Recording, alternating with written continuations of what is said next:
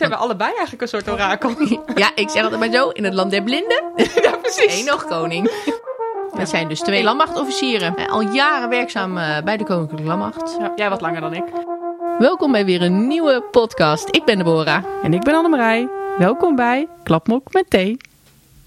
Hoi, Hallo. Daar Nou. zijn we weer. zijn we weer. Heerlijk. Ja, nieuwe ruimte dit keer.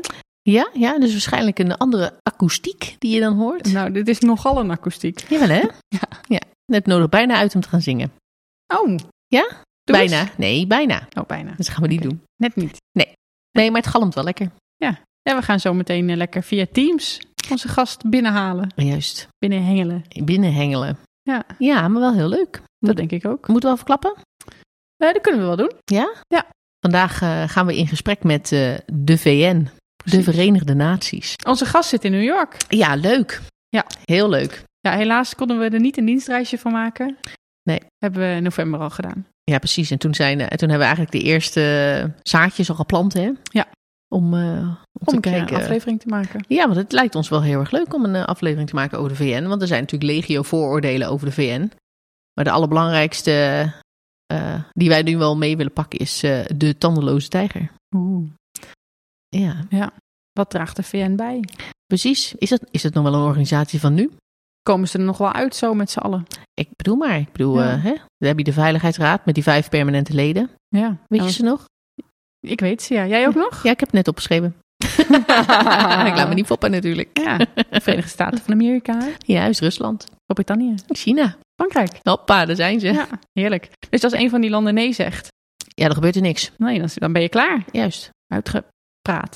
Nou ja, inderdaad. Maar weet je, als je iets zou willen veranderen aan die structuur of aan dat eh, gedachtegoed of wat dan ook, dan hoeft er maar één van die vijf tegen te zijn. En eh, einde beleid, Mhm. einde idee. En als ik dan nu kijk hoe we, hoe, hoe we in de wereld met elkaar omgaan, Ja. en als ik dan kijk naar die vijf permanente leden, dan denk ik Precies. niet eh, dat, het, eh, dat we het snel eens eh, zullen worden. Nee, maar dat lijkt me ook zo lastig. Juist. Dus, ehm, ja, dus stel dat je daar dan werkt in New York en je zit dan een beetje in dat hele diplomatieke spel. Ja, Hoe doe je dat dan? juist. Ja. Nou, geen idee. Ik vind het nogal lastig. Ja. En als je dan kijkt hoeveel landen er wel niet lid zijn van de VN, een onderdeel zijn van de VN. En wij als Nederland ook. Hè. Wij als Nederland hebben natuurlijk al gauw het idee dat we een hele grote broek aan hebben. Maar ook daar zijn we natuurlijk maar een heel klein landje. Met heel veel andere kleine landen. Ja. Ehm, ja, en hoe beweeg je je daar Ja, nu? hoe stel je dan op? Wat, wat, waarom zit je daar? Ben je dan, wil je overal bij zijn of moet je daar keuzes in maken? Ja. ja. Nou, in het kader van, eh, met, ja, echt, daar gaan we zo meteen allemaal eh, doen. Gaan we nog even op in. En, eh, maar in het kader van met heel veel landen, en wij zijn maar een klein landje. Ja. Volgende week Oh, gaan wij iets heel leuks doen. In het kader van klein landje, maar wij organiseren wel even een evenement. Voor Oh. heel veel landen en heel veel mensen. jazeker. Waar gaan wij naartoe volgende week? Wij gaan volgende week naar de Invictus Games. Ja, heel goed. Ja. Daar heb ik heel veel zin in. Ja, is ook heel leuk. Ja, we hebben kaartjes, we hebben kaarten gescoord. Ja. Voor, eh, Veteranenkaarten hebben we. hoppa, ja, ja, maar dat zijn Ja, wij. Dat zijn we gewoon. Dan kregen we korting. Ja. Dat is wel heel leuk. Zeker Eh leuk. rolstoelrugby gaan we kijken. Ja, maar halve finale als het goed is. Ja, halve finales. Ja, Ja, Dus benieuwd wie er dan in staan en eh, Ja. Wat Nou we ja. allemaal gaan zien. Ook dat, ook dat. En, eh, hoe hard het allemaal op elkaar klapt. nou, dat is wel een beetje waar ik, waar ik van uitga. Dat echt, eh, ja. Hoe moet je anders rolstoelrugby eh, voorstellen? Ja. Allemaal die klappende rolstoelen. Nou, dat. Ja. Ja, ja. ja, volgens mij is het Zuiderpark in Den Haag is daar ook van alles te doen. Dus Ja. eh, voor wie dit luistert en denkt van nou, zal ik nog één eh, volgende week. Kijk even of er nog kaarten zijn. En ga daar vooral ook even een rondje doen. Misschien dat je ook zonder kaarten daar wel van alles kan doen. Ja, absoluut. Maar eh, twintig verschillende landen hè, die meedoen. Oh, dat is best veel. Ja. ja. Ja, ik heb me niet zo ingelezen wat dat betreft. Jij zit helemaal in die Invictus Ik Games. zit daar helemaal in. Helemaal in, ja. Maar Ja. 20 landen is best veel, ja. Ja. Leuk. Dus, ehm, Ja. Ja, en eh, nou ja, we gaan hier ook zeker nog een aflevering over maken. Dus dat doen we na afloop. Ja, en dan ja. gaan we napraten met iemand die in de organisatie zit. ja en, hoe dat eh, tot, allemaal tot stand komt ja. en hoe het er allemaal bij komt En wat- kijken. En, Ja, precies. En wanneer je daar dan aan mee kan doen. en eh, precies. wat dan het doel is. Hè. Gaat het om het winnen of gaat het eh, om iets anders? Ja, ja. En ehm, ja, dus daar gaan we dan nog een aflevering over maken. Dat zullen we ergens in mei gaan doen. dit, is, dit is wel even een hele andere zijtak die we nu hebben genomen. Ja, maar dat doen we altijd. Dat is wel waar. Ja, ja, stel je voor, er zit structuur in de aflevering. Dat is Dan niet de bedoeling. nee, houden we misschien luisteraars vast. Die denken, oh heerlijk dit. Dit luistert lekker makkelijk. Nou, dan kunnen we, nu we toch zo bezig zijn. Oh, ja. We hebben al een tijdje onze Instagram en onze e-mailadres niet meer genoemd. Nee, nee, nee. nee. Is het ook wat... Nou, ik moet zeggen, ik wil net zeggen, is het dan wat rustiger op eh, Instagram? Maar dat valt eigenlijk wel mee. Nee, dat valt wel mee. Maar volg ons vooral op Instagram, want dan kan je precies zien hoe onze afleveringen tot stand komen. En Absoluut. Deborah is heel goed in het maken van een soort van visual. gewoon met, met gewoon de hele aflevering. Heb je gewoon appjes voor, hè? Ja, precies. Is ideaal. Ja, ja, ja. En ehm, dus dan, dan weet je precies ook wanneer er weer een aflevering online staat en waar die over gaat. Ja, dus dat is leuk. Absoluut. Dat is leuk. En, Klap op ehm, met thee. En, ehm, en eh, we hebben natuurlijk een e-mailadres. En daar vind ik het wel wat rustig. Dat is waar. Dus mocht je een mening hebben, of een vooroordeel, of je bent het er niet mee eens, of je wil reageren op dat wat we gezegd hebben in een Of je bent het wel aflevering. met ons eens. Of je, bent- of je wil een keer een aflevering als Precies. gast. Juist. Dus je zegt, hey, dit lijkt me hartstikke leuk, eh, hier wil ik meer mee. Of ik heb zelf ook nog wel wat te vertellen. Of ik wil iets eh, onder de aandacht brengen. Kan allemaal. Mail ons op klapmokmetthee.mindef.nl Heel goed. Ja. Ja, krijg ervoor betaald. Nou, het zou zomaar een sponsormomentje kunnen zijn, maar dat is niet het geval. Maar. Nee. Nee, het is Voor allemaal nog steeds eh, vrijwillig. Ja. Vrijwillig en naast onze baan. Precies. Eh, maar zullen we gewoon eh, overschakelen naar de VN? Ja, laten we maar eens even gaan schakelen met New York. Nou, daar zitten we dan. Met de, de, live verbinding met New York. Hapsa. Ja, met overste Ronda Brunsting. Welkom. Dank jullie wel. Leuk dat je er bent. Dat, je, dat we even de tijd hebben gevonden met het tijdsverschil eh, om eh, zo samen te zitten. Ja, en eh, samen een aflevering te maken. Ja, heel leuk. Het superleuk dat jullie me uitgenodigd hebben ook. eh, en eh, ik, ik had jullie podcast al eerder gezien, dus het leuk, leuk, leuk dat ik er nu zelf ook in zit. Ja, mooi. Helemaal goed. Ja, we hebben elkaar natuurlijk gesproken toen wij met de HDV in november in, in New York waren. En toen waren, nou, hebben we natuurlijk ook eigenlijk heel veel kunnen vragen. Maar toen hadden we al heel erg het gevoel van, nou, we willen eigenlijk nog wel een keer een aflevering maken over de VN. En dat hebben we toen ook besproken. Ehm, om ook nog eens even op wat vooroordelen in te gaan. En eh, nou, je zit natuurlijk bij de permanente vertegenwoordiging eh, van, de, van de Verenigde Naties. Hè, dus eigenlijk een, de Nederlandse, nou ja, soort van de ambassade bij de VN. Eh, Ja. Dus zou je daar eens misschien wat meer over willen vertellen? Van wat doe je daar eigenlijk precies? Wat is je functie daar? Ja, nee, dat is heel goed. Ik ben hier werkzaam binnen de militaire afdeling op de permanente vertegenwoordiging. En die, zoals je al zei, eh, dat is feitelijk een soort van eh, ambassade. Maar, maar dan in plaats van bij een land, is dit een ambassade bij een multilaterale organisatie, zijn de Verenigde Naties. Eh, we hebben ook echt een ambassadeur eh, die de permanente vertegenwoordiger is. Dat is Joke Brandt. Eh, en die permanente vertegenwoordiging eh, is niet zo heel groot. Eh, we zijn ongeveer met zo'n 36 personen, als ik iedereen meetel. En we zijn verdeeld in een viertal afdelingen. We hebben een afdeling ontwikkelingssamenwerking en mensenrechten. We hebben een politieke afdeling. We hebben een militaire afdeling. En we hebben nog een afdeling algemene zaken. En eigenlijk zou ik dat ook de afdeling ondersteuning kunnen noemen. Want die houden zich vooral bezig met alle interne processen. Mhm. en, en, en zorgen ervoor dat eigenlijk de andere drie afdelingen hun werk kunnen doen. En als militaire afdeling bestaan we uit een, een, militaire, een militair adviseur. Ja, dat is kolonel Henny Snelle. En een plaatsvervangend militair adviseur. En dat ben ik. Eh, en daarnaast ben ik ook nog politieadviseur. Oké. Eh, hoewel ik natuurlijk geen enkele politieachtergrond heb. Nee, je bent van de luchtmacht, hè? Want ik ben een, lucht, ik ben een, een, een luchtmachtmilitair. De luchtmacht heeft op dit moment, zeg maar, de, eh, deze stoel heeft, de, heeft, heeft lichtblauw als kleur. Eh, de Milad-stoel heeft, eh, heeft groen als kleur. En overigens, eh, misschien ook nog wel leuk om te vertellen, dat deze stoel gaat straks donkerblauw worden. Want per 2024 eh, gaat deze stoel over naar de marine. Dus dan mag een marine, marine-collega deze, deze stoel vullen. Dus alle marine-collega's die luisteren, die kunnen nu meteen op het vinkertouw gaan zitten. Ja, precies. Ja, precies. Ja, maar dat duurt ook nog even, hè? Je komt er niet zomaar bij, eh, bij de VN. Volgens mij zit daar een hele uitgebreide sollicitatie aan vast. Of, of eh, is het... Nou ja, dat, dat, dat, zeker als je bij de VN zelf zou willen werken. Ja. Dat, eh, maar, maar goed, ik werk natuurlijk bij de permanente vertegenwoordiging. En dat is eigenlijk gewoon aan het opko hoe, hoe het selectieproces wordt vormgegeven. Oh, dat is echt wel een verschil of je nu bij de permanente vertegenwoordiging werkt... of dat je een van de functies bij de VN zelf hebt. Want daar zijn Ja, ook absoluut. militaire functies. Absoluut, want eh, in dit geval praat je natuurlijk over een functie eh, waar al een luchtmachtlabel aan hangt. Ja. Dus de luchtmacht mag dan iemand voordragen. Eh, in dit geval heeft de luchtmacht wel een interne selectie gehouden. Daar rolt dan een kandidaat uit, die wordt voorgedragen aan de afdeling internationale militaire samenwerking. Dan volgt er nog een klikgesprek bij de, bij de afdeling internationale militaire samenwerking. Eh, en soms kan er ook nog een klikgesprek volgen, dan in dit geval bij de, met, met de permanente vertegenwoordiger. Ja. Eh, dat is het geval van de Milat, is dat zeker zo. Eh, want uiteindelijk is dat wel iemand die hier ook in het managementteam plaatsneemt. Eh, dus er moet wel sprake zijn van een klik. Ja. Eh, maar dan wordt de persoon geplaatst. Terwijl bij de VN, eh, ja, de VN heeft zoals je weet eh, 193 lidstaten. Als de VN een vacature publiceert, dan mogen er van 193 landen mogen daar kandidaten op solliciteren. En ik kan je vertellen, dat zijn echt honderden en misschien zelfs wel tot duizenden eh, sollicitanten. Die allemaal eh, eerst eh, gescreend moeten worden. Tenminste, eerst vindt, vindt er een papieren selectie plaats. Dan wordt er een, komt er een shortlist. Dan worden er interviews gehouden. Dus bij de VN kom je, kom je echt niet zomaar. Nee, nee. Nee, ik heb dat wel eens, eh, ik heb het wel eens gezien. hoor. Geprobeerd. Nee, dat heb ik niet gedaan. Ik heb wel, wel eens mij de vraag gesteld hè, of ik dat wilde gaan doen. En, maar als je dan inderdaad ziet wat de papierwinkel daarbij komt kijken... om überhaupt eh, de eerste stap te kunnen zetten om, eh, om maar zo te doen... dat is inderdaad niet iets wat je zomaar doet. Ja. Met, met een missie trouwens ook. Ja, dat geloof ik Een graag. gigantische papierwinkel met een VN-missie. Ja. Ja, oké. Leuk. Ja. Maar wat doet nu eigenlijk eh, een militaire vertegenwoordiging bij, bij de VN? De VN is natuurlijk helemaal geen militaire organisatie. Nee, dat is ook heel goed dat je dat zegt. Want ik denk dat het belangrijk is om dat ook even goed, eh, goed naar voren te brengen. VN wordt nog wel eens met de vergeleken.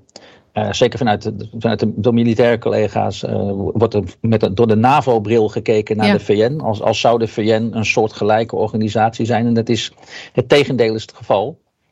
Eh, dus de VN is absoluut geen militaire organisatie. Maar de VN verleent natuurlijk wel mandaten aan, aan militaire operaties, met name internationale interventies. En de VN heeft natuurlijk zelf een groot aantal eh, militaire operaties eh, die zij eh, met behulp van de lidstaten uitvoert. Dus er zit wel degelijk een, een, een groot militair belang ook aan een, een goede relatie met die VN. Al is het maar omdat datgene wat de VN doet aan het, het bestrijden van crisis in de wereld en het voorkomen van conflicten. Dat helpt ook onze eigen Nederlandse krijgsmacht om Nederland veilig te houden en te beschermen wat ons dierbaar is. Ja. Eh, dus om daar invloed uit op te kunnen oefenen en om daar mee over te kunnen praten over waar dat gebeurt, maar ook hoe dat gebeurt, hoe die mandaten eruit zien, hoe de uitvoering wordt vormgegeven, de bijdragen die daarvoor nodig zijn. Eh, de- het overwegen van om zelf als Nederland daar aan een militaire bijdrage te leveren. Ja, dat zijn allemaal vragen die wij hier eh, helpen beantwoorden, zeg maar, als een soort vooruitgeschoven post. Enerzijds van de commandant der strijdkrachten. Ja, En wij zijn hier echt toch ook wel eh, de oren en de ogen van de commandant der strijdkrachten. Maar tevens om ook hier de politieke collega's en de permanente vertegenwoordiger van een, een heel kort lijntje te hebben, om die ook direct van militaire expertise te kunnen voorzien. Ja, dat is wel interessant. Hè? Maar als je dan eh, hè, de oren en de ogen bent van de CDS, hè, om het eventjes eh, lekker, lekker smal te houden. Waar kijk en luister je dan eigenlijk naar binnen die VN? Want we zijn natuurlijk als Nederland, jullie zijn eigenlijk met z'n tweeën zijn jullie eh, de militaire permanente vertegenwoordiging, als ik het goed begrepen heb. Ja. Je kan er toch niet overal bij zijn, zou je zeggen? Nee, nee. En wat dat betreft is het ook altijd weer, eh, weer elke dag kiezen van waar gaan we nu, eh, waar gaan we nu wel en waar gaan we geen aandacht aan besteden. Ja. Maar we hebben natuurlijk eh, wel een focus daarin. Eh, onze twee belangrijkste eh, entiteiten zijn eh, de Directorate of, of, eh, of the Division of Peacekeeping Operations en de Division of Operational Support. Eh, want dat zijn de twee entiteiten die zich eh, primair bezighouden met vredesoperaties. Dus als we een, een, beetje, een, beetje, een, een beetje smal houden, dan beperken we ons tot de, de, de inzet van de VN eh, op het gebied van vredesoperaties. Ja. En, en dat zijn er op dit moment nog twaalf. En wat we doen is we kijken naar, we volgen de ontwikkelingen. En met name dan de missies waar wij zelf ook in vertegenwoordigd zijn. Uh, of de missies waar Nederland uh, bovengemiddeld geïnteresseerd in is, uh, dan wel mogelijk overweegt om aan deel te nemen. Oké. Okay. en dat is een wisselwerking, want ook wij geven van hieruit daar advies over. Van nou, er vindt op dit moment ontwikkelingen plaats. die bieden ook mogelijkheden voor Nederland om, om, om, om daar een bijdrage aan te leveren. Kun je daar eens een voorbeeld over? kun je daarover Kun je daar vrij over praten? Of is dat iets wat, uh, wat een beetje ja, binnen, binnen, nee, binnen kamers blijft? Of, uh, want waar hebben wij interesse in momenteel? Nou, als het gaat over daar, waar zouden wij in willen opereren? Dat, dat, dat zou meer een vraag zijn voor BZ. Hè? Ik bedoel, het buitenlandbeleid wordt, wordt immers door Buitenlandse Zaken vormgegeven. Ja. Uh, dus dan zou ik me beperken tot de operaties waar we al in zitten. Uh, en de prioriteiten die wij daarin hebben. Nederland heeft uh, en, en, Defensie hebben gezamenlijk een insteek om de kwaliteit en de effectiviteit van vredesoperaties te verbeteren. Uh, daar hebben we ook zelf een belang bij. Hoe beter de VN in staat is conflicten te adresseren, hoe beter dat er voor onszelf ook is. Ja. daar is in 2018 een Action Plan for Peacekeeping voor, voor opge opge opgezet. Uh, toen was Nederland overigens voorzitter van de Veiligheidsraad een maand. Uh, uh, maar dat Action Plan for Peacekeeping, daar, daar zitten een aantal prioriteiten in. En voor Nederland is dat bijvoorbeeld dat er veel meer informatie gestuurd moet worden opgetreden. Dus het, het gebruik van informatie en het verwerken van die informatie en het vertalen van die informatie naar, naar, naar concrete acties, activiteiten in zo'n missie. En we hebben zelf in MINUSMA natuurlijk met onze LURP hebben we actief bijgedragen aan het, het, uh, het neerzetten van zo'n systematiek. We hebben laten zien van wat, wat kun je daar nou mee doen als je sensoren, als je inlichtingenvergaders in het veld hebt. Uh, en hoe breng je informatie vervolgens naar boven en wat kun je op basis van die informatie dan doen? Nou, en eigenlijk zijn we sindsdien ook altijd actief gebleven op dat gebied. Uh, en we kijken, we zien hier in de VN zien we op policygebied. Hier wordt natuurlijk, er worden de, de policies ontwikkeld, de handboeken worden hier vormgegeven van hoe moet je nou omgaan met peacekeeping intelligence. Ja. Uh, wat is dat eigenlijk en hoe zou je dat in moeten richten? Uh, en de VN kan niks zonder ondersteuning van de lidstaten. Nee, dus de VN vraagt altijd hulp daarbij aan lidstaten van uh, wij, wij, willen wel, maar uh, we missen de expertise en kunnen jullie die beschikbaar stellen? Ja, want de VN heeft natuurlijk geen, geen um, krijgsmacht of zo. Sowieso zullen natuurlijk altijd landen iets moeten bijdragen. En, ja. Um, en, en in hoeveel missies zitten we dan als Nederland bijvoorbeeld? Want MINUSMA um, en inderdaad die informatiegestuurd optreden, dat is daar best wel... Nou, dat hebben wij natuurlijk meegekregen, hè? dat is een groot ding. Ja. Maar als ik hoor hoeveel uh, vredesoperaties er nu zijn... en hoeveel zit Nederland dan op dit moment? We zitten er in vier. Oké. Okay. Naast, naast MINUSMA is dat nog uh, UNDOF en UNTSO en Unifil. Ja. ja. Is Unifil niet ook de langslopende missie van de VN? Of denken nee, we dat, dat is altijd? dat is UNTSO. UNTSO. Haal ze door de war, denk ik. ja. ja. Ja, het is wel allemaal Midden-Oosten, toch? Ja, MINUSMA is Ja. natuurlijk Mali, Ja. maar deze drie... ehm, ehm, Israël... Ja, een beetje die hoek. ehm, Ja, Libanon, Syrië. precies. Ja. Ja. Oké. Leuk. En is dat dan ehm, die bijdrage van Nederland? Als, als we dan kijken naar op in de, naar de VN-wereld, dragen we dan ook aanzienlijk bij? Dragen we bij naar RATO? Of, of ja, hoe, hoe, is, dat, eh, is daar iets over te zeggen? Zouden we meer kunnen doen? Uh, it depends, denk ik in dit geval. Het is, het is een beetje afhankelijk van hoe je kijkt. Ik denk dat wij als Nederland, als het gaat over uh, onze bijdrage in missies, we staan op dit moment, meen ik, op de 67ste plaats van troep contributors. Ja, van de En dat is 193 eigenlijk- lidstaten. Van 193 lidstaten en niet alle 193 hebben überhaupt een krijgsmacht. Uh, maar, en we staan op de 67e plek omdat we op dit moment ook een, een, een, een, eh, een luchttransportcapaciteit hebben ingebracht in MINUSMA. Maar die eindigt binnenkort. Ja. En dan vallen we weer terug. En dan hebben we niet meer dan zo'n zo'n zo'n 24 Nee, iets meer. We hebben dan iets van 30 personen nog op individu als individueel uitgezonden personeel. Mhm. Inclusief Force Commander overigens. Ja. Ja. Van Minus. Maar hebben, hebben we dan nog. eh, en dan zakken we denk ik snel terug naar iets van een plek 87 of zo. Of, of 85. Dus als het gaat over footprint in missies, dan zijn we niet heel groot. Nee. Nee. Eh, maar als je kijkt naar. Nederland is een, is een hele trouwe betaler en een grote financiële contributeur. Eh, en in die zin eh, zeker, zeker zichtbaar in het VN-systeem. Maar daarnaast eh, zijn we ook heel actief en zichtbaar hier in het hoofdkwartier, juist omdat we proberen die makelaarsfunctie te vervullen. Oké. Tussen van de behoeftes die men hier op het hoofdkwartier heeft, als het gaat over het ontwikkelen van, van, van manuals, als het gaat over het ontwikkelen van, van medische policies.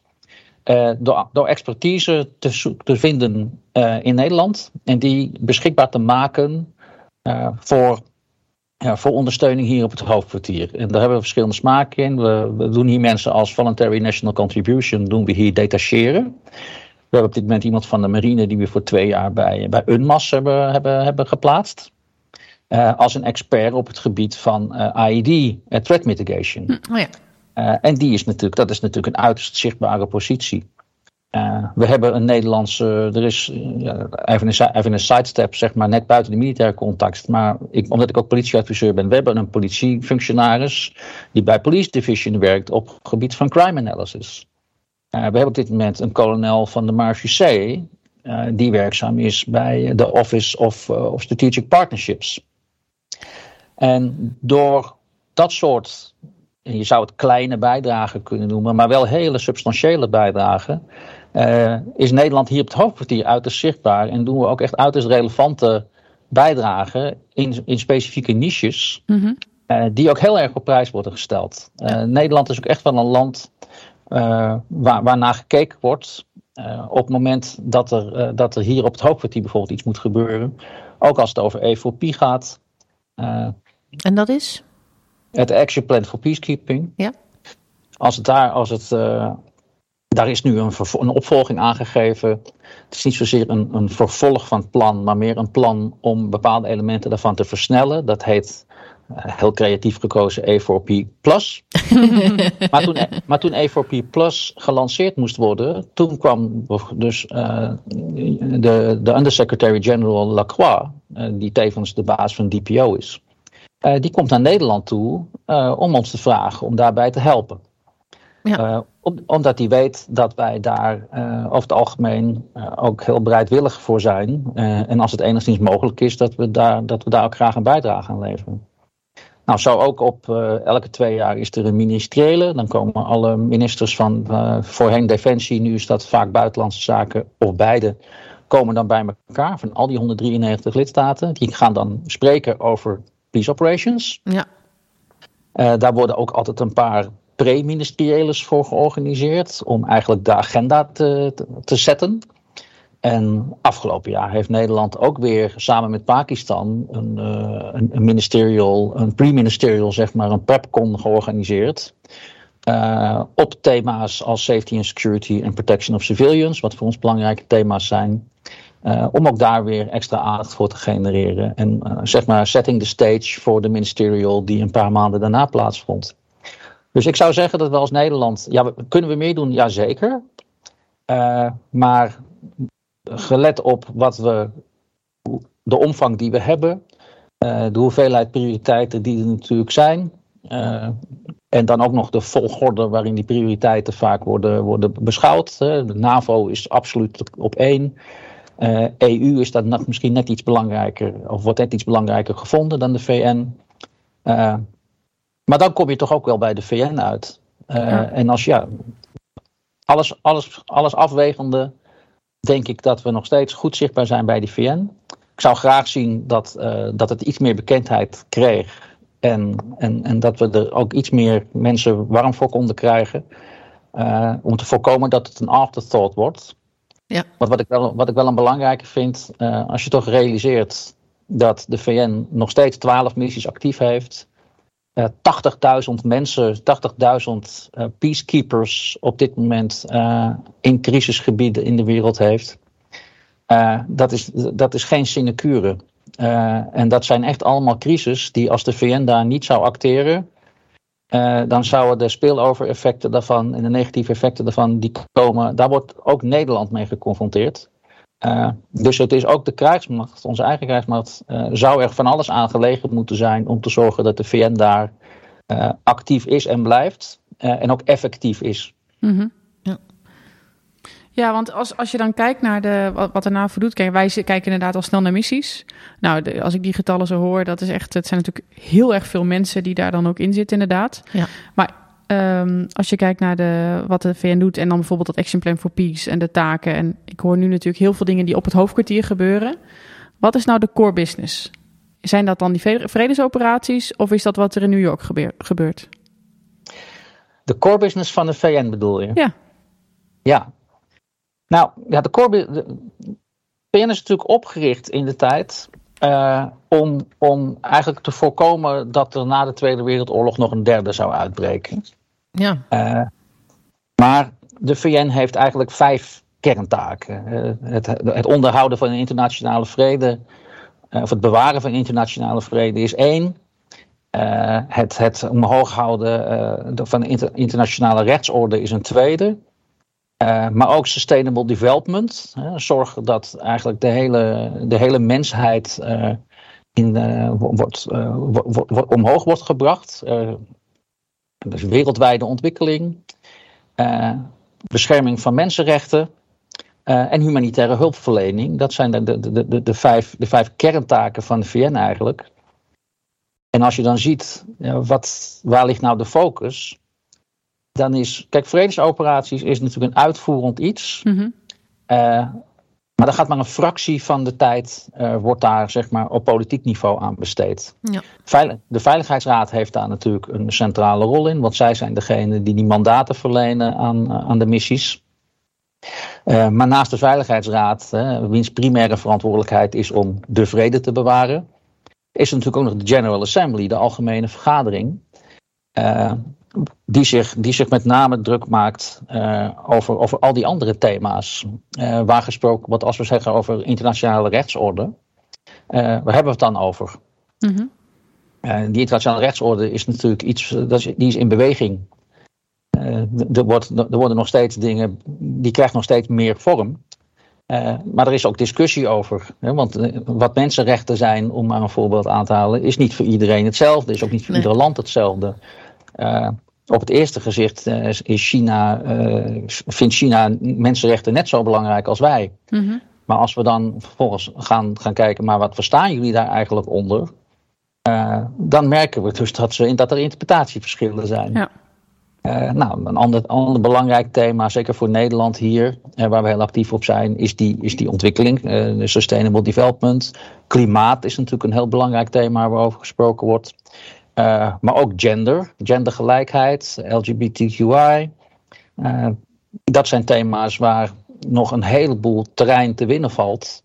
Als het gaat over, over eenheid van opvatting mm -hmm. wereldwijd. Er zijn, er zijn nog zoveel landen waar de mensenrechten niet gegarandeerd zijn. Mensen hun leven niet zeker zijn als ze, als ze een tegengeluid laten horen. Ja. Mensen die gediscrimineerd worden op basis van hun geaardheid of puur om wie ze zijn. Uh, dus dat zijn ook allemaal activiteiten waar de VN zich mee bezig gaat. En wat, en wat het, kan het, de VN... Ja, sorry. sorry. Nee, nou, de, de beste samenvatting is toch... Bedoel, bij de, de VN is het platform waar gesproken wordt over hoe we als wereldbevolking met elkaar moeten omgaan. Mm -hmm. En hoe we als wereldbevolking ook een goede steward kunnen zijn van, van de wereld waarop we leven. Om te zorgen dat ook die wereld leefbaar blijft. Nou, je kunt je voorstellen dat, we daar, uh, dat, dat je daar op een heleboel manieren over van mening kunt verschillen. En die discussie en al die, uh, die, die, die, wordt daarover, die wordt hier dagelijks gevoerd. Ja, ja want is het dan, moet ik het dan met name zien, um, het voeren van het gesprek en het voeren van de, die discussie daarover? Um, is dat dan uiteindelijk nou ja, het doel is natuurlijk dat het beter wordt. Hè, of dat, uh, dat een situatie uh, uh, die als minder goed wordt gezien, dat die wordt verbeterd. Maar is dan het werk van de VN het, um, ja, het voeren van het gesprek over dat soort onderwerpen? Het is het agenderen van thema's. En het zijn natuurlijk weer de landen, de lidstaten, die die, die agenda vormgeven. Ja. Uh, dus dus het, het werk bestaat voor een groot deel uit van hoe kunnen landen de dingen die zij belangrijk vinden, hoe kunnen ze die op de agenda van de VN zetten? En dat doe je dan door ook andere landen te vinden die dat, dat het ook belangrijk vinden, zodat je met meerdere landen uiteindelijk die agenda kan bepalen. Dus er moet heel veel gelobbyd worden. Dus er wordt hier heel veel gelobbyd. Ja. Zijn, je bent zeker als een land als Nederland natuurlijk veelvuldig op zoek naar, naar medestanders en probeert uh, in groepsverband dingen te mobiliseren. We zitten hier overigens ook als EU. Hè. De EU heeft hier ook een vertegenwoordiging. Er wordt ook veel in EU-verband bijvoorbeeld onderhandeld. Ja. En de EU is natuurlijk een, best een groot blok. Uh, maar uh, als je dat vergelijkt met bijvoorbeeld de, de, de non-aligned movement, wat, wat, die bijna alle Afrikaanse landen omvat. Uh, dat zijn natuurlijk is nog een, een veel groter blok. Maar behalve dus het agenderen. En hoe doe je dat agenderen? Dat doe je onder andere ook door, door teksten in te brengen, door, uh, door resolutievoorstellen te doen. Uh, door conferences te, conferences te organiseren, high-level events te organiseren. Uh, oproepen tot actie van het secretariaat, oproepen tot actie van de secretary-general.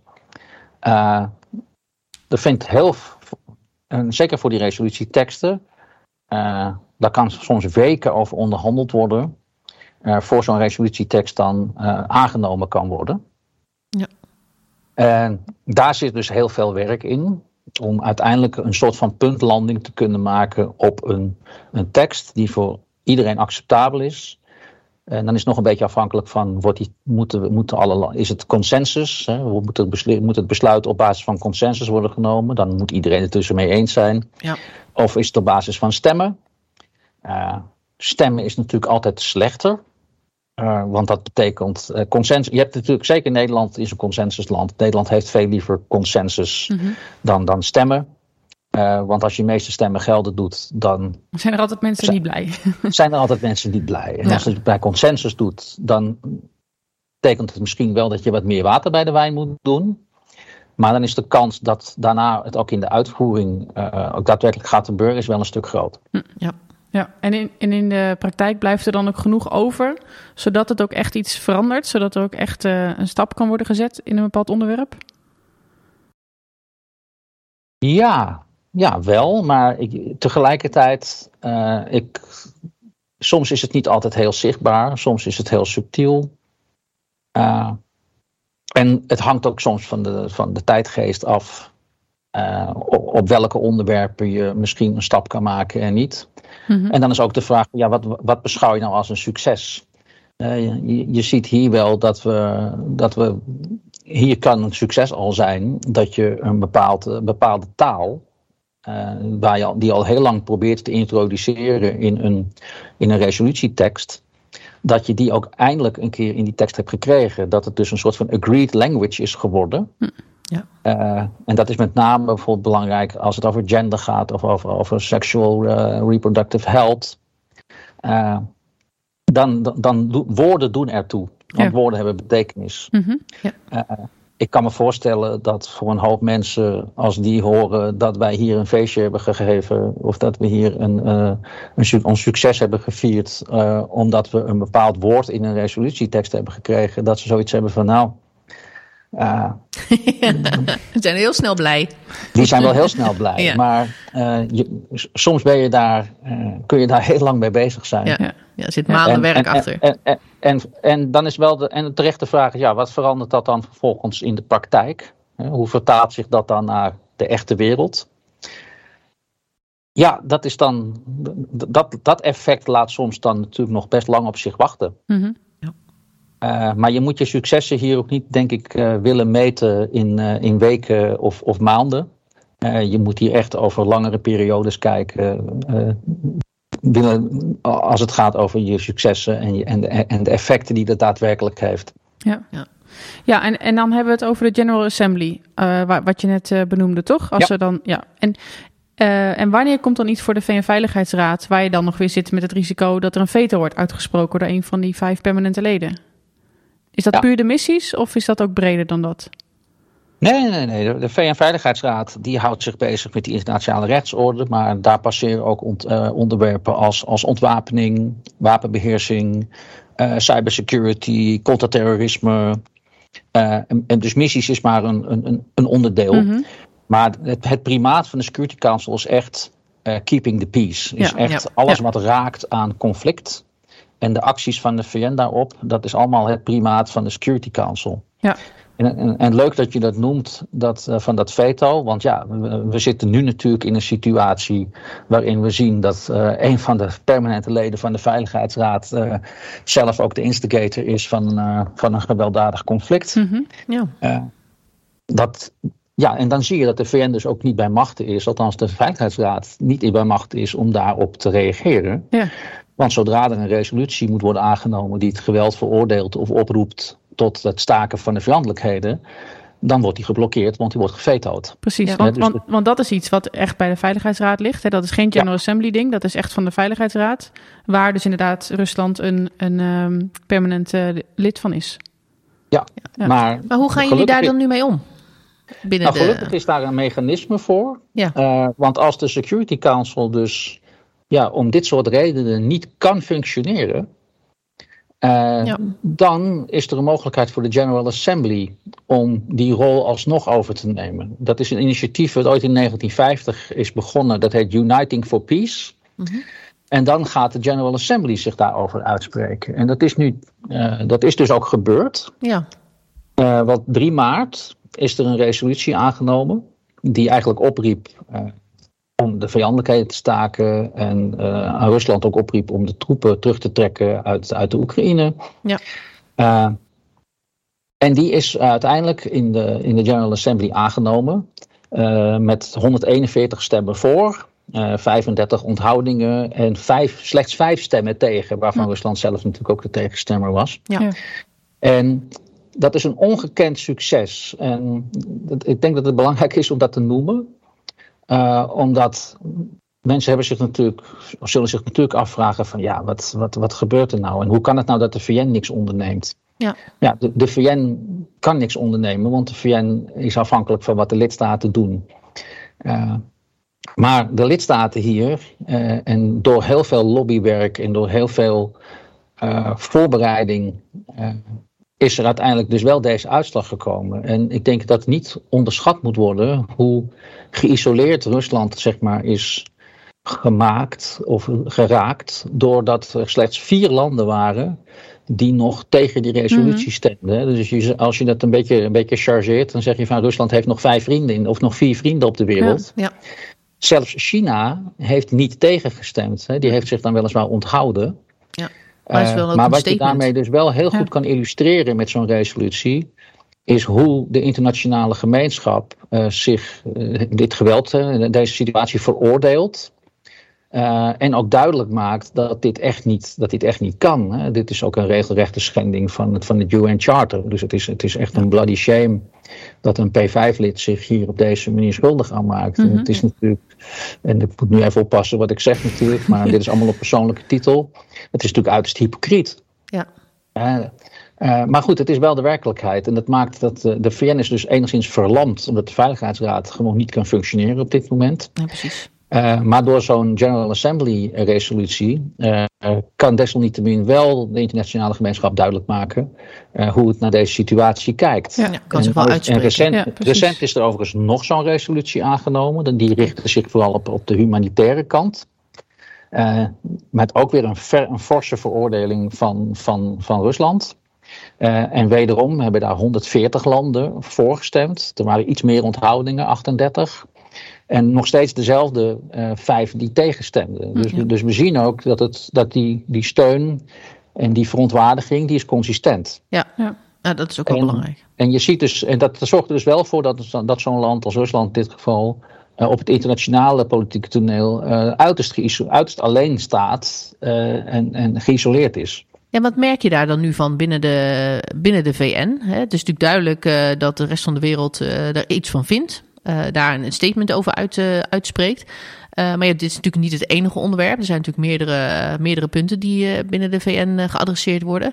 Zie je dan dat dat ook effect heeft op, op de overige onderwerpen? En de rol van Rusland en hoe andere lidstaten daar nu tegenaan kijken? Zie je daar verandering in? Of is Rusland Ja, niet nou ja, actief?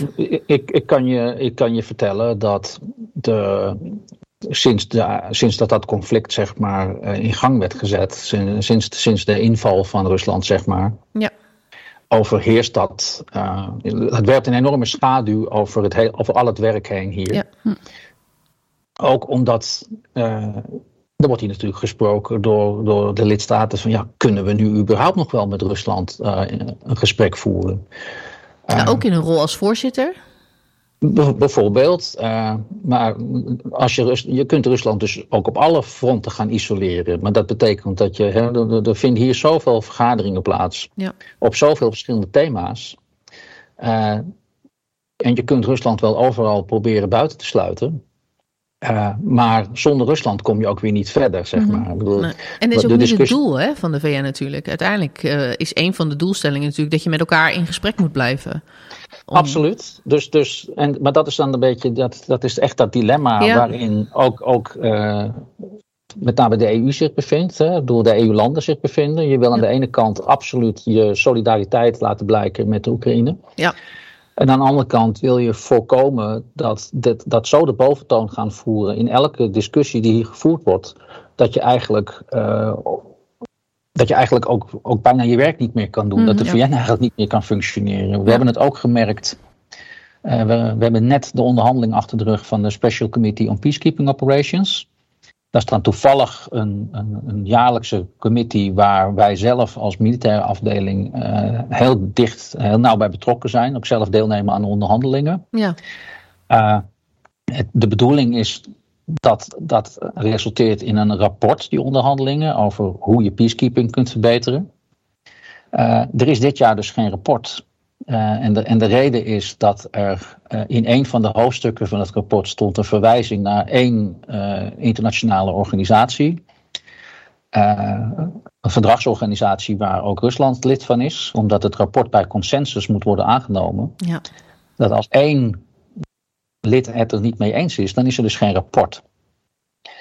En dan gaat het over één, één verwijzing naar, naar één organisatie in, een, in, in, in één hoofdstuk van een rapport met acht hoofdstukken. En waar nog veel meer uh, zaken in staan die echt allemaal relevant zijn. Ja. Uh, en dan ontspint zich natuurlijk de discussie van ja, is dit nu iets waarover uh, we dat rapport moeten laten vallen? Ja. is dat, het, is dat, dat is een hoge prijs die je betaalt. Mm nou, en dat lijkt me ook wel, uh, het lijkt me ook wel weer het frustrerende. Hè? Dat is natuurlijk inherent aan, aan het feit dat je natuurlijk bij een organisatie uh, zit. Uh, met, met, ja, met, met, honderden mensen, met honderden landen. Ehm, ja, en dan, dan moet je toch die, uh, die consensus vinden. Um, en dan, hoe frustrerend lijkt het mij dat op het moment dat je dan inderdaad hard gewerkt hebt met z'n allen en je hebt een, uiteindelijk een rapport opgeleverd. En dan vindt er geen consensus plaats op basis van een een, een woord, inderdaad. Hè? Hoe belangrijk zijn woorden? Krijg je, wat je natuurlijk net zelf al zei. Uh, ja, dat lijkt natuurlijk ergens ook enorm frustrerend. Want, want gaat het dan om dat woord inderdaad? Of gaat het om wat er in die andere acht hoofdstukken staat? Uh, maar ja, aan de andere kant heeft het natuurlijk zoveel waarde als er een consensus is. Uh, hè, en iedereen kan zich erachter, uh, de achter, de, hè, zich erachter plaatsen, om maar zo te zeggen. Want ja, als, als het inderdaad niet een consensus is, wat is dan het rapport nog waard? Maar ik, ik vind het wel, ik vind het wel, het lijkt me zo frustrerend. ja. Uh, Heb je dat zelf niet? Ja, nou ja, nee. Ik, ik, die frustratie die is. Je moet, op, je moet ervoor oppassen dat je je niet laat frustreren. Ik, ik frustreren is een keuze. ja, dat is een hele uh, goeie. dus, dus, dus, daar ben je zelf bij. Ja. Uh, en diplomatie is natuurlijk de kunst van het haalbare ook. Ja, ja, ja. ja. Uh, en dit was natuurlijk ook niet. Er is geen directe relatie meer nu tussen, wat ik, tussen het voordeel wat ik gaf. Ja, precies. want dat, dat, dat was eigenlijk het begin van de discussie. Het begin van de discussie was uh, dat een land aanstoot neemt aan een verwijzing naar een verdragsorganisatie. Ja. Uh, en, dat, uh, en, dat, en dat in de context van dat moment gewoon heel hypocriet vond. Ja. en vervolgens ontspint zich natuurlijk een discussie over van ja, maar hoe gaan we hier dan met z'n allen uitkomen? En die discussie is, is, is, is parallel eigenlijk aan de inhoudelijke onderhandelingen van het rapport is die, is die gevoerd, zo'n zo drie weken lang. Uh, en er is van, vanuit alle kanten is er water bij de wijn gedaan. Uh, en er was ook daadwerkelijk uh, een, een, een, modus gevonden, zeg maar. Ja. Maar toen bleek ja, eigenlijk om, om, één, om één minuut voor twaalf, op het moment dat eigenlijk de voorzitter net van plan was om met zijn hamer op het blok te, te slaan en het rapport aan te nemen. En nog een laatste keer vroeg of er, of er nog landen waren die er iets van vonden. toen er ineens toch een land namens een, namens een aantal andere landen het woord nam. Ja. Om, om te zeggen dat ze zich niet konden vinden in het, hoe het proces was gelopen. En uiteindelijk niet konden instemmen met het rapport. Ja. Nou, toen is er ook nog, toen is er ala op dat moment nog een, een, een, een, pauze ingelast van 10 minuten, die uiteindelijk twee uur duurde. Ja. Om, om toch nog een oplossing te vinden. Die is toen niet gevonden. Nee, nee. nee. Lijkt me hard werken. Ja. Ja, lijkt mij ook, ja. ja. dat hebben we ook wel geleerd, hè, dat er heel veel gebeurt in de pauze. Ja, zeker. In de achterkamertjes. En, ja, uh, ja de V moesten, moesten dit soort dingen naspelen. En uh, dan was het vooral ook de, de tijd buiten de algemene vergadering. Hè, waar, gewoon, uh, ga maar even koffie drinken. Jullie krijgen deze opdracht mee. En als we terugkomen, dan willen we een oplossing op dit, dit en dit. En dus dat, ja, het is wel natuurlijk letterlijk, hebben we het hier natuurlijk over diplomatie van het hoogste niveau. Ja, ja, ja. En, ja. en hoe vind je elkaar? Wat ik me nog wel afvroeg, want inderdaad, nou, ik vond het heel interessant even te horen die rol van die General Assembly. Hè, en ook hoe, hoe die dan iets over kan nemen. Maar die vijf permanente leden en wie dat dan zijn, hè, dat is natuurlijk destijds uh, vastgesteld. Ja. Maar is dat nog van deze tijd? Ha, uh, nee, nee. Nee, ik denk dat iedereen het ook daarmee eens is dat dat niet van deze tijd is, behalve die vijf, ja, vijf ja, leden zelf. Behalve er zijn vijf leden die er toch die niet geven af. En, en, en ik denk, en sterker nog, ik denk dat ook als je ze individueel uh, hierover bevraagt, dat ze, uh, dat ze zullen toegeven dat dit, uh, dit niet meer van deze tijd is. Dat Ja. de samenstelling van de Veiligheidsraad absoluut geen reflectie meer is van hoe die zou moeten zijn. Nee. Uh, maar niemand is natuurlijk bereid, en zeker de P5-leden niet, om hun verworvenheden op te geven. Ja. Dus daar een verandering in brengen is, is, is, is, is schier onmogelijk. Ja. Uh, er wordt wel degelijk over hervormingen gesproken, ook over uh, aanpassingen van de Veiligheidsraad. Maar ja, een van de, een van de grootste obstakels is natuurlijk is dat veto. Ja. Ja, je, je hebt nu, kijk, je kunt de Veiligheidsraad wel groter maken, bijvoorbeeld. Hè. Nu bestaat hij uit 15, vijf permanente en 10, uh, 10 wisselende leden. Je kunt hem groter maken, dan heb je meer vertegenwoordiging. Maar ja, feit blijft dat er vijf landen zijn die, als het ergens niet mee eens zijn, gewoon kunnen zeggen: van het gaat niet gebeuren. Ja. Ja. En die gaan dat niet opgeven. Nee. Nee, dat begrijp ik ook wel. Nee, en je wil het, het forum als zich ook niet opgeven daarvoor. He, dus je kan maar beter, denk ik, een organisatie hebben waarin je bij elkaar aan tafel zit. Waarbij er dan vijf een veto kan uitspreken, dan dat je dit hele forum niet hebt. Nou ja, dat is, dat is het. Hè. Ik bedoel, er is geen alternatief. Nee. Hè, er, hoe onvolmaakt de VN ook mag zijn, er is geen alternatief voor de VN. Uh, en zelfs de situatie nu, waaruit dus ook weer blijkt dat. Uh, ja, de VN verliest natuurlijk credibility hier. Hè? Bedoel, ja. die, die onmacht die daaruit schuilt. Hè? Dat die, die, die Veiligheidsraad die echt in een soort gridlock zit. Uh, ja. die, die niet kan acteren vanwege die samenstelling en vanwege dat veto. Ja. toch zie je, die, ook de P5-leden zijn zich daar natuurlijk van bewust. Dat, we, dat de VN eigenlijk zichzelf op deze manier een soort buitenspel zet, uh, inboet aan relevantie. Ja. Uh, maar ze vinden de prijs om er wat aan te doen toch nog altijd te hoog. Ja, ja het is wel, het, ik vind het wel een mooi iets eigenlijk. Want uh, ik denk inderdaad, ik denk precies wat je zegt. Als je ze allemaal apart zou vragen, dan zouden ze misschien allemaal zeggen: ja, dit gaat helemaal nergens over. Um, maar ja, het, het alle vijf tegelijk zeggen: oké, okay, dan zeggen we onze permanente lidmaatschappen op en wij worden net als de rest, uh, hè, mogen we op tourbeurt deelnemen aan. Uh, ja, dat gaat dan weer een stapje te ver, want ineens heb je die, heb je die macht niet meer als ik het, hè, want het is natuurlijk gewoon nee, de macht waar het over en, gaat. En, en je introduceert daarmee natuurlijk ook een, ook een, een, een element van onvoorspelbaarheid. Ja, ja. ja. Van wie, het dan, wie dan. Uh... In die internationale rechtsorde. En het is natuurlijk maar de vraag of. Uh, of het er beter van wordt. Nou, dat is ook zo natuurlijk. Ja. Kijk, ergens zit er natuurlijk nu wel een, een, een soort van balans tussen de grote, de grote machtsspelers op het wereldtoneel, om maar zo te zeggen, op deze manier. Uh, ja, kun je die dan straks ook op die manier wegzetten. En ik zeg niet of die balans nu goed is, of dat het anders moet, of dat het breder moet. Hè, want wat is beter? Ik, ik heb ook geen idee. Ehm, maar goed, dat zullen we ook nooit weten op deze manier. maar het is wel, uh, ja, het is een interessant nou ja, gedachtegoed. Het, het, het, het, het, de grootste kracht van de VN zit erin dat we hier dat met z'n allen in gesprek zijn. Ja. ja. En, en, en dat moeten we niet onderschatten, het belang van met elkaar in gesprek zijn. Uh, en, en proberen de, de onderlinge verschillen, uh, proberen dichter bij elkaar te komen. Ja. Uh, en, en dat is natuurlijk waar de VN het, het platform voor is. Nou, ik denk dat het wel goed is. En ik denk dan, als je dan kijkt naar die vijf permanente leden, dat zijn natuurlijk best wel leden met een hoop invloed. Ehm, als je die inderdaad uh, de permanent lid laat zijn, om maar zo te zeggen, dan zijn dat ook wel de landen waarmee je dus in gesprek moet blijven. Want het feit dat je natuurlijk een permanent lid bent, eh, vraagt natuurlijk ook een bepaalde verantwoordelijkheid. Ja. Ik denk dat dat ergens ja, ook wel weer een voordeel maar is. Maar tegelijkertijd, uh, ja nogmaals, het, deze, deze discussie is echt academisch, want het is niet zo makkelijk om hier verandering in te brengen. Maar nee. stel nou, je bent een land als India, ja. met, met toch uh, meer dan een miljard inwoners. Hè? Dat is Zeker. Een, een, gigantische chunk van de wereldbevolking.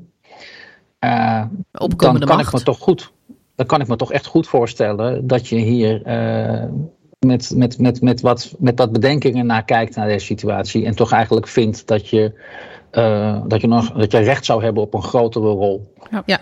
nou ja, dat, absoluut. Ja, absoluut. Dat is heel interessant. Ja, Ronda, we gaan een beetje richting uh, de afronding. Ach jeetje. Ja, nou ja, maar de tijd vliegt hoor, eerlijk waar. maar uh, ja, we geven natuurlijk altijd even jou de mogelijkheid om, uh, om nog iets te, iets te zeggen. Zijn, zijn er nog dingen die we niet hebben besproken waar je zegt van nou, daar wil ik toch nog even, even met jullie over hebben of meegeven? Uh, ja, wat ik vaak zeg als ik, als ik een militair audience heb, ja. is, is, is, is toch wel van de VN wordt, is, is, is, is onbekend en daardoor vaak ook onbemind. En dat is niet, uh, dat is niet, niet echt te rechtvaardigen. Als je kijkt naar het belang van die VN. Uh, en als het voor de internationale rechtsorde. En ik, ik vind die relatie belangrijk omdat juist wij als, als, als, als, als, defensiepersoneel, uh, die ook allemaal staan voor die opdracht die we als defensie hebben om uh, Nederland veilig te, veilig te houden. En waarbij we ook erkennen dat een stabiele internationale rechtsorde een hele belangrijke randvoorwaarde is voor die veiligheid. De VN is de organisatie die zich met die internationale rechtsorde uh, bezighoudt. En uh, nou goed, ik heb de vredesoperaties al genoemd en de hoeveelheid mensen die daarmee uh, mee gemoeid zijn. dus de VN is echt, vanuit mijn perspectief, een, een, ook een veiligheidspartner. en ja, het klopt. Het, het, zeker in militaire operaties is de, blinkt de VN niet uit. Uh, maar het is ook een oneerlijke vergelijking. Hè. Wij vergelijken met de NAVO. Ja. Uh, de NAVO heeft een paar duizend man op hoofdkwartier werken die zich alleen maar bezighouden met militaire operaties. En hoeveel zijn dat er nu hè, eigenlijk? Het is toch heel veel gereedstelling. Ja, absoluut. Uh, wat er gebeurt. maar de, de, de, de afdeling die zich hier bezighoudt met militaire operaties, de Office of Military Affairs, dan praten we over 100 mensen. 100 mensen die dus hier vanuit het hoofdkwartier. Uh, Twaalf missies aansturen. Nou ja, en dan is dus de vraag. Het wordt, het wordt natuurlijk ook niet op eenzelfde manier aangestuurd als dat de VN doet. Mm. Ik bedoel, ook, ook de military advisor hier, weliswaar een viersterren generaal. Maar moet je niet vergelijken met de Supreme Commander. Uh, andere rol, uh, veel politieker. Uh, maar we, maken die vergelijking vaak wel. En mijn, mijn oproep en misschien mijn uitsmijter zou, dan ook echt zijn van stop nu met de NAVO voortdurend als je referentiekader te gebruiken. En als je naar de VN kijkt, verdiep je dan een beetje in die organisatie. En, en kijk naar die organisatie zoals die daadwerkelijk is. Mm -hmm. en misschien kom je dan ook wel tot de conclusie dat het toch eigenlijk verbazend knap is dat, uh, wat die organisatie nog ook op gebied van vredesoperaties tot stand weet te brengen. Met, met de geringe middelen en de geringe capaciteit en de geringe financiën die ze daarvoor ter beschikking hebben. Ja, precies. Nou. En het is hartstikke leuk werken in New York. dus. Dat geloof ik graag. Ja. Nee, we hebben er een week van mogen genieten. En ik uh, kan me helemaal voorstellen dat het fantastisch werken is. Uh, in de tijd die je dan nog over hebt. Uh, Precies. Naast het werk. Nee, Ronda, wij willen je ontzettend bedanken voor je tijd. voor het ja, ontzettend goede, maar ook leuke gesprek. Heel verhelderend geweest. En wie weet zien we je nog wel een volgende keer. Ja, nee, hartstikke leuk. Ja, ik vond het ook een goed gesprek. Vond ik ook. En weet je, inderdaad, jij gaf het in het gesprek ook al uit over die General Assembly. Ja. Dat wist ik eigenlijk niet. Nee. Nee, wist ik helemaal niet dat dat. Uh, ja, je weet. Hebben we college over gehad? Nou ja, precies, dat wil ik zeggen. Maar weet je wat het is? Um, tijdens zo'n college dan krijg je altijd zoveel informatie over je heen. Ja. En dan uh, blijft het blijft, natuurlijk blijft de een blijft gewoon hangen en de andere blijft gewoon niet hangen. Je kan natuurlijk een heel mooi verhaal van, van Ja. maken, maar dit is gewoon niet blijven hangen. We hebben ook een gendercollege gehad. Ja, ja dat klopt. Dat, uh, dat is wel Zo blijven blijven hangen. hangen. Dat is dan wel weer blijven hangen, ja. Maar dat is weer een ander verhaal. Maar ik vond het inderdaad wel heel interessant om, uh, om te zien dat... Uh, hè, omdat Rusland Mhm. natuurlijk als permanente vertegenwoordiging in die Veiligheidsraad... Ja. Ja, en, en nu natuurlijk in, hè, in de situatie zit waarin ze nu zitten... Ja. Dat dat dan toch overroeld kan worden door zo'n General Assembly... en dat je dan toch resoluties kan aannemen. Ja, kijk, dan is de vraag, hè, wat doet dan die resolutie? Ja, maar Hè, dat dit- is met elke resolutie van de VN, vraag ik me dat af. Ehm, i- Oké. Nou ja, want het komt natuurlijk een beetje, hè, wat je- waar je natuurlijk zelf in het gesprek ook al een beetje naar refereerde. Hè, van als, je- als we gaan voor de consensus, wat blijft er dan nog over van zo'n document? Hè? Of is het dan zo oké, glad nee, gestreken? Ja, nee, maar dan hebben we het over een resolutie waarin we iets uitspreken van, Ja. nou, we vinden ergens iets van, of we kwalificeren iets, of, Ja. eh, ehm, nou ja, of ja, nou, we spreken vooral iets uit, Ja. hè, een resolutie. Ja. Maar je hebt natuurlijk ook de resoluties waarin bijvoorbeeld geweldgebruik wordt toegestaan. Ja, ja, maar dat zijn niet deze resoluties. Nee, nee, nee, precies. Dat is ook een die via de VN-veiligheidsraad gaat. Ja. Eh, waarin je dan zegt van nou, dan is er, ehm, dan is er goede grond om, eh, om actie te ondernemen. En dan Ja. wordt er bijvoorbeeld toestemming verleend aan, nou zeg de NAVO of een bepaalde andere groep Ja, dan wordt er een andere, andere, iets, Ehm, andere instantie, andere Precies, samenwerking. om iets te gaan doen. Ja, wordt gevraagd. En, eh, maar daar hebben we het hier natuurlijk niet over, wat de General Assembly dan overneemt. Dit is echt puur die uitspraak van we vinden hier iets van, we vinden dit niet goed. Ja, we maken, En, we maken eh, een statement We als maken VN. eh, precies een statement. Ja. Ja, Ja. ja. kijk, en dan, ik denk ook dat dat heel goed is, want dat is, een, ja, wat, hè, ik gaf al aan, dit is natuurlijk ehm, diplomatie en politiek van het allerhoogste niveau. Ja. Ehm, en we zitten er dus ook vooral om met elkaar het gesprek aan te blijven gaan, wat Ja. natuurlijk ook gewoon heel goed is. Ja. Dit blijft dan het forum waarin je met elkaar spreekt. Dus Ja. je wil ook mensen daar dan niet uitdrijven, denk ik. Want Ik denk is- dat het ook best moeilijk is om het niet persoonlijk te maken. Kijk, die mensen zitten daar natuurlijk namens een land. Ja. Ehm, en ik denk ook wel dat het voor die mensen misschien ook wel lastig is als het natuurlijk gebeurt. Ehm, ja, hoe, hoe hou je het niet persoonlijk? Hè? Ja. Hoe, eh, hoe dat zal je... vast heel lastig zijn. Dat denk ik wel, ja. Ja, maar iemand zit daar natuurlijk nog steeds ook ja, als verantwoord... Als vertegenwoordiging. Verte- precies, precies. Als vertegenwoordiging van zijn land. Ja. En, ehm, en als je als internationale gemeenschap toch de banden met dat land wil houden... of toch wil kijken van waar zitten toch mogelijkheden om een situatie beter te maken... ja, dan wil je die banden wel blijven hebben. Ja, ja. daar moet je Dus, ook in ehm, blijven investeren. Ja. Ja. Ja. Nou, wel een interessante omgeving. Ja, en ehm, nou, we hebben natuurlijk een paar missies net al over gehad. Hè? En wat best wel bijzonder is nu, is dat we een, force, een Nederlandse force commander hebben bij een van de VN-missies, Ja. MINUSMA. Ja. Dus, eh, dus daar gaan we ook nog een eh, deel 2 over maken. Jazeker, hartstikke ja, leuk. Dan gaan we met de force commander praten. ja, dat is hoe groot is die kans dat we die ooit, Ja, ooit ja, krijgen? nihil, maar die hebben we gewoon. Ja, absoluut. Ja. Absoluut. Ja, dus die, daar gaan we die komt helemaal. sowieso nog. Ja, dus dan gaan we ook wel lekker eh, wat meer in, in, in, de, in de missie MINUSMA dan hè, in dit geval. Eh, maar ook in de, ja, in, de, in de rol van de Force Commander. Ja. Ehm, nou, ik denk dat, ik denk dat het eh, wel interessant is eigenlijk. Maar uh, Annemarije, hè, we hebben natuurlijk aan het begin van, van deze aflevering hebben we het gehad over de tandeloze tijger. Ja. De VN als tandeloze tijger kan eigenlijk niks meer. eh, is eh, murf, is lam geslagen omdat eh, in de, in de VN-veiligheidsraad natuurlijk dat veto Mhm. is. Ehm, maar vind je het eigenlijk wel een goed vooroordeel om daar nu terugkomend op wat we ook gehoord hebben, de tandeloze tijger in vergelijking Mhm. met de VN? Hoe, ehm, ja, want is de VN wel een tijger? ja, precies. Of is het vooral een diplomatiek platform waarin je het gesprek met elkaar kan hebben? Ja. En waarvan dan ehm, het tijger zijn eh, maar een heel klein stukje is. Ja, precies. Ja.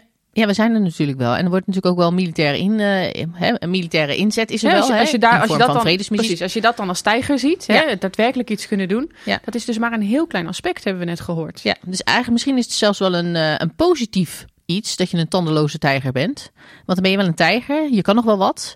eh, maar je bent niet zo agressief als dat de NAVO eh, eh, Mhm. bijvoorbeeld kan zijn. Hè? Dat die, dat, laat die dan lekker de tijger Ja. zijn. En laat jij dan de tijger Tandeloos, zijn. Zonder tanden. Ja, maar dat je het gesprek blijft aangaan. Dat je dus op andere manieren mogelijkheden zoekt om de vrede en de stabiliteit en gelijkheid in de wereld.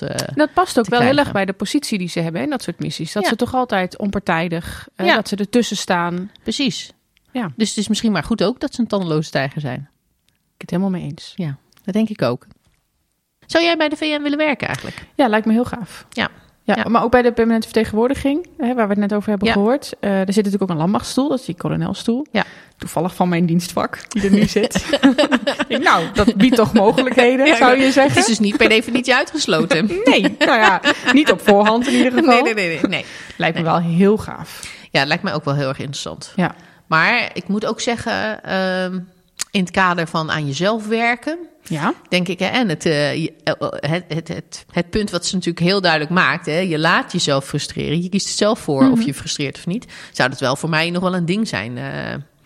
Ik, eh, ja, nee, maar als je ergens keihard voor werkt en, Ja. eh, ja en- met wat je en- dan eh, kan bereiken. ja, precies, weet Ja, je, je wat moet er tastbaar blij zijn wordt, met wat je doet. Ja, het zijn, Ja. het zijn de kleine succesjes. Hè? En, en inmiddels hè, zijn we natuurlijk zelf ook wel weer... hebben we zelf die ervaringen natuurlijk Mhm. ook wel opgedaan... dat het ook inderdaad gaat om die kleine succesjes... en hoeveel werk dat kost. Maar ja, ik, kan me, ik ken mezelf ook. Het is ook wel heel frustrerend. Ja. Dus eh, Ik denk dat je juist dan heel veel eh, werkplezier en eh, je hele beleving moet halen uit dat, dat lobbywerk. En Ja. uit dat, eh, die rol die je als Nederland dan kan spelen. Ja.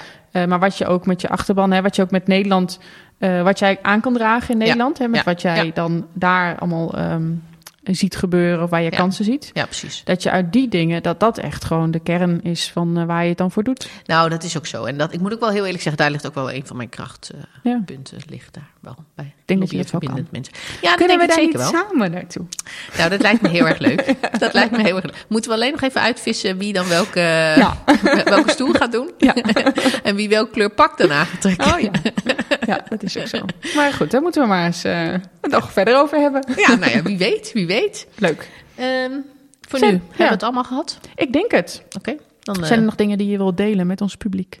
Nee, ik denk dat het goed is. Gaan we de volgende keer gaan we het hebben over de blauwhelmen. Leuk. Juist. nou, tot de volgende keer dan maar. Tot de volgende keer.